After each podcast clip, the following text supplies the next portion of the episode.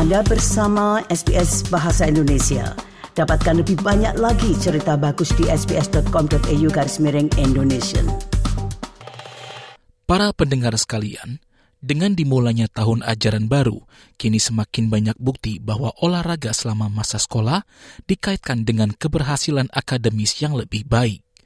Dengan tingginya angka putus sekolah dari olahraga di kalangan anak perempuan, anak-anak dari latar belakang budaya dan bahasa yang beragam, serta dari latar belakang sosial ekonomi rendah, diharapkan ada lebih banyak upaya yang bisa dilakukan untuk mendorong partisipasi olahraga.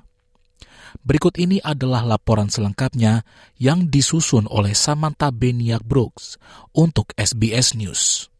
Meskipun manfaat aktivitas fisik telah dipahami secara luas, sebuah penelitian baru mengungkapkan hubungan antara partisipasi anak-anak dalam olahraga dan prestasi akademik yang lebih tinggi para peneliti di Universitas Sydney memantau partisipasi olahraga lebih dari 40 ribu anak-anak di seluruh Australia dari usia 4 hingga 13 tahun dan kemudian mencocokkannya dengan kemajuan akademis mereka hingga usia 21 tahun.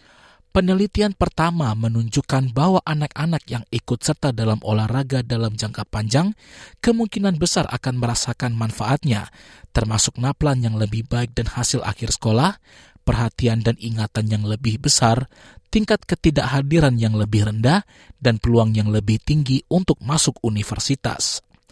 Penulis utama Dr. Catherine Owen mengatakan hasil ini menunjukkan betapa pentingnya bagi anak-anak untuk berpartisipasi dalam olahraga. Team sports really builds social connections um, and peer bonding and friendships, which are, and like a really strong sense of belonging, which is really important for kids. And I think that's why those specific academic benefits come from team sports because they're more motivated to go to school and they're more likely to want to go to school to see their friends and um, just having that sense of belonging is so important for those specific outcomes. Meskipun manfaatnya bisa diterapkan secara menyeluruh, Dr. Owen mengungkapkan beberapa anggota masyarakat lebih cenderung menarik diri dari olahraga. In our overall analysis, we found that 50% of kids continue playing sport throughout their childhood, 25% drop out, and another 25% don't participate at all. And we found that kids who were from, first of all, low socioeconomic status areas, um, culturally and linguistically diverse, and also girls were the least likely to continue participating. They were most likely to be in the non participants or drop out. Center for Multicultural Youth atau CMY di Victoria menjalankan program olahraga bagi generasi muda berlatar belakang pengungsi dan migran untuk membangun rasa memiliki dan mengembangkan hubungan dengan komunitas lokal.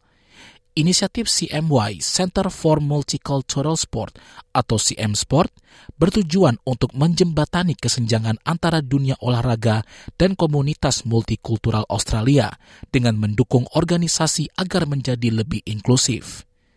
Manajer CM Sports Simon Roder mengatakan kepada SBS News bahwa struktur sistem olahraga Australia menciptakan hambatan untuk masuk. They come from countries where sports largely played informally, um, and they come to this country where you know to go join your local club, you have to train two nights a week. You have to pay a membership fee that goes to the state body, that goes to the national body. Um, there's there's a rigid structure to the Australian sporting system, and that, um, you know, again, particularly with new and emerging communities having larger families, you know, that's a bigger impost on, on costs for young people. Dr. Owen mengatakan olahraga mungkin dipandang sebagai aktivitas yang kurang penting bagi sebagian keluarga. For families who speak another language at home, um, sport may not be a priority for them. They have a lot of other stresses and priorities and things on their mind that they are focusing on and not so much on putting their kids into sport. And also may in their culture, it may not be as important to them. Roder yakin masih banyak yang bisa dilakukan untuk membuat komunitas migran tertarik pada olahraga. Their priority is education. And so they don't see the benefits. And I think that needs to be a community wide education process, even in settlement services, where um, families are, are, explained about the benefits of being physically active. not only academically, but also for social connections, professional connections, to be able to build networks. Dr. Owen menambahkan, biaya juga menjadi masalah bagi banyak orang. Sport can get very expensive, and especially with the cost of living going up these days, it becomes a lower priority for parents, and so they pull their kids out of sport because it's so expensive. Um, especially for young girls, they start losing interest. Girls, especially, they want to play sports for fun, they want to be social, they want to connect with their friends. And when they start hitting adolescence, they kind of, there's not as many social fun options for them. Kepala Eksekutif Kantor Olahraga New South Wales, Karen Jones, menambahkan, banyak anak perempuan berjuang dengan masalah citra tubuh. a universal barrier across all the life stages of women is that fear of feeling intimidated or embarrassed to actually exercise in public. And it's that fear of judgment that is the main barrier for girls and women. And that really comes down because of judgment around appearance, maybe judgment around ability, and also just life priorities and judgment around that as well. Studi ini juga menyoroti manfaat spesifik terkait olahraga individu dan tim. Dr. Owen juga meneliti hal tersebut. We found For individual sports, it was more beneficial for NAPLAN literacy test results and ATAR results, whereas team sports were more beneficial for cognitive performance, so attention and memory.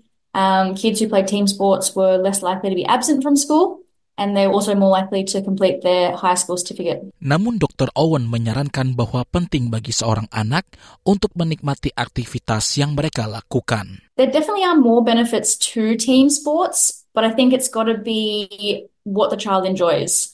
Because if they're not enjoying it, they won't receive the same mental health benefits. Penelitian tersebut diharapkan dapat menambah pemahaman umum tentang bagaimana lingkungan pendidikan dapat disesuaikan untuk mendorong partisipasi olahraga yang meningkatkan kesehatan fisik dan mental, serta keberhasilan pendidikan anak-anak. Karen Jones mengatakan anak perempuan diberi kesempatan yang sama seperti anak laki-laki. It's not just about participation, It's about making sure we've got the right facilities for girls to participate. It's about making sure that we've got representation of females across all aspects of sport, whether that be as participants or athletes, through to coaches, through to officials, through to administrators. Simon Roder mengatakan masih banyak yang harus dilakukan untuk memahami bias yang tidak disadari dalam olahraga dan bagaimana hal itu berdampak pada representasi komunitas multikultural. We need to reflect our community better and and understand that when you're creating those safe cultural environments a lot of it's to do with with you know um, images that you have around the sports club um, programs you run trying to you know reduce the amount of alcohol that's served creating environments that are more welcoming to, to diverse communities Dr. Owen menekankan pentingnya generasi muda untuk tetap aktif bahkan hanya demi kesejahteraan mereka secara umum schools making it more of a priority and placing more emphasis and importance on sports. Um, but then I think it's also got to be coming from the parents. There's got to be parental support and encouragement. Demikianlah laporan yang disusun oleh Samantha Beniak Brooks untuk SBS News dan dibawakan oleh Dilail Abimanyu untuk SBS Bahasa Indonesia. Sukai, berbagi, komentar. Ikuti SBS program Bahasa Indonesia di Facebook.